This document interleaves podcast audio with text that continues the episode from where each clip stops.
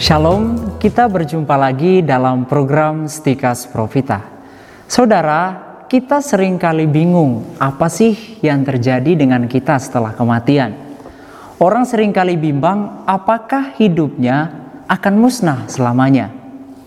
Saudara, satu hal yang pasti bahwa semua orang akan mati atau meninggal. Ini adalah hukum alam yang tidak mungkin dapat kita tolak. Tetapi hidup manusia tidak berakhir dengan matinya badan kita. Setelah kematian masih ada kehidupan. Lalu bagaimana hal ini dijelaskan? Keyakinan mengajarkan bahwa setelah kematian badan kita akan hancur menjadi tanah. Tetapi manusia itu memiliki jiwa. Meskipun badan atau tubuh kita ini hancur atau mati, tidak demikian halnya dengan jiwa. Jadi jiwa tetap hidup dan jiwa tetap tidak dapat mati. Lalu pertanyaan kita adalah ke mana perginya jiwa ini? Ada pandangan yang mengatakan demikian, jiwa akan lahir kembali. Bisa dalam bentuk manusia yang lebih sempurna, tetapi bisa juga dalam rupa binatang.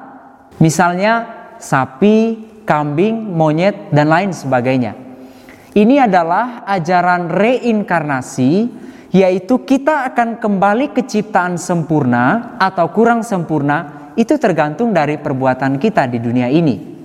Kalau seandainya kita baik di dunia ini, kita akan lahir kembali sebagai manusia yang lebih suci atau lebih tinggi derajatnya. Sebaliknya, kalau kita jahat, kita akan menjadi makhluk yang lebih rendah misalnya menjadi seperti hewan-hewan tadi. Tetapi saudara, reinkarnasi ini bukanlah ajaran Katolik. Sekali lagi, kita tidak mengenal ajaran reinkarnasi. Kalau demikian, ke mana perginya jiwa ini setelah kematian? Di dalam gereja Katolik ada tiga kemungkinan.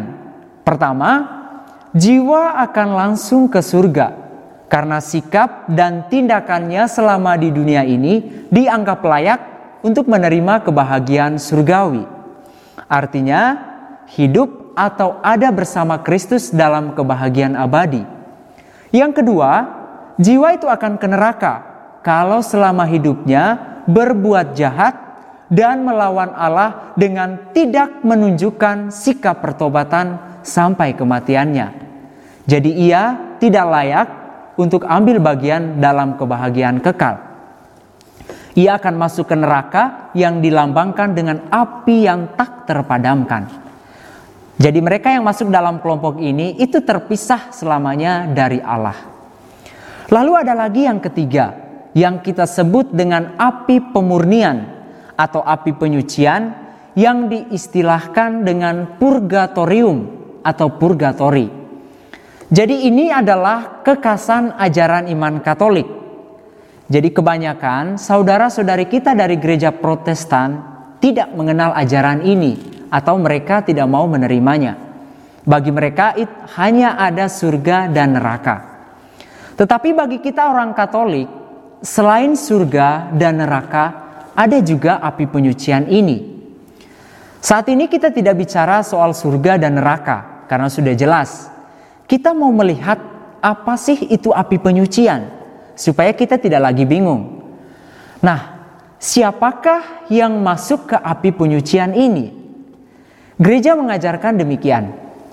Siapa yang mati dalam rahmat dan dalam persahabatan dengan Allah namun belum disucikan sepenuhnya, memang sudah pasti akan keselamatan abadinya tetapi ia masih harus menjalankan satu penyucian untuk memperoleh pengudusan yang perlu supaya dapat masuk ke dalam kegembiraan surga.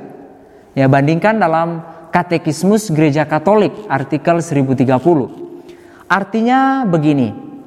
Jadi tidak semua orang itu waktu meninggal itu siap secara rohani. Dia itu orang baik, tetapi masih ada sesuatu yang membuat dia terhalang untuk masuk ke surga. Dia masih ada dosa-dosa ringan yang perlu disucikan.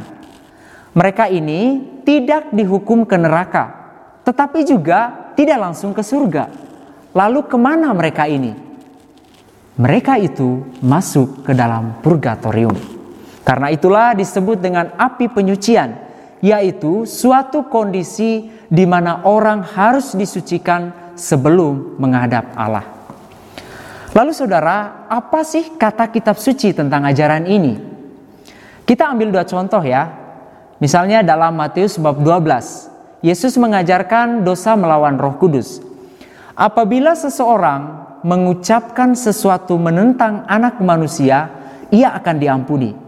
Tetapi jika ia menentang Roh Kudus, ia tidak akan diampuni, di dunia ini tidak, dan di dunia yang akan datang pun tidak.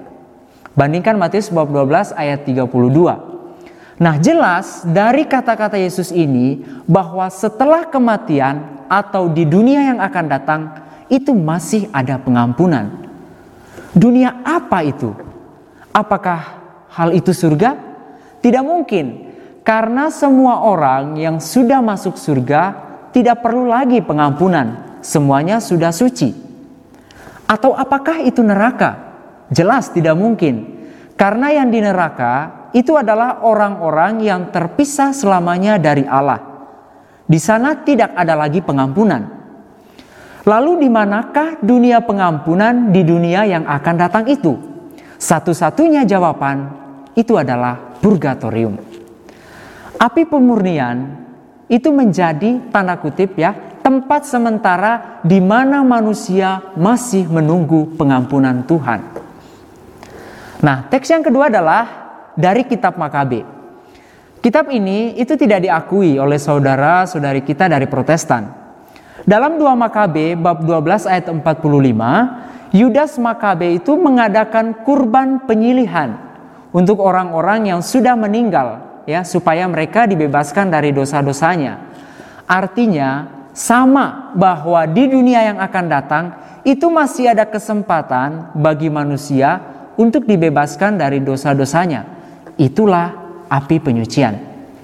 Nah, saudara yang terkasih, kepercayaan terhadap api penyucian itu membuat gereja Katolik memiliki tradisi doa arwah atau peringatan orang-orang meninggal, entah itu keluarga kita, saudara kita, orang tua kita, dan lain sebagainya. Nah, saudara, itulah ajaran Katolik tentang api pemurnian atau purgatorium. Semoga saudara-saudari mencintai dan mengenal kebenaran, dan akhirnya diselamatkan. Tuhan memberkati kita semua. Salam Profita.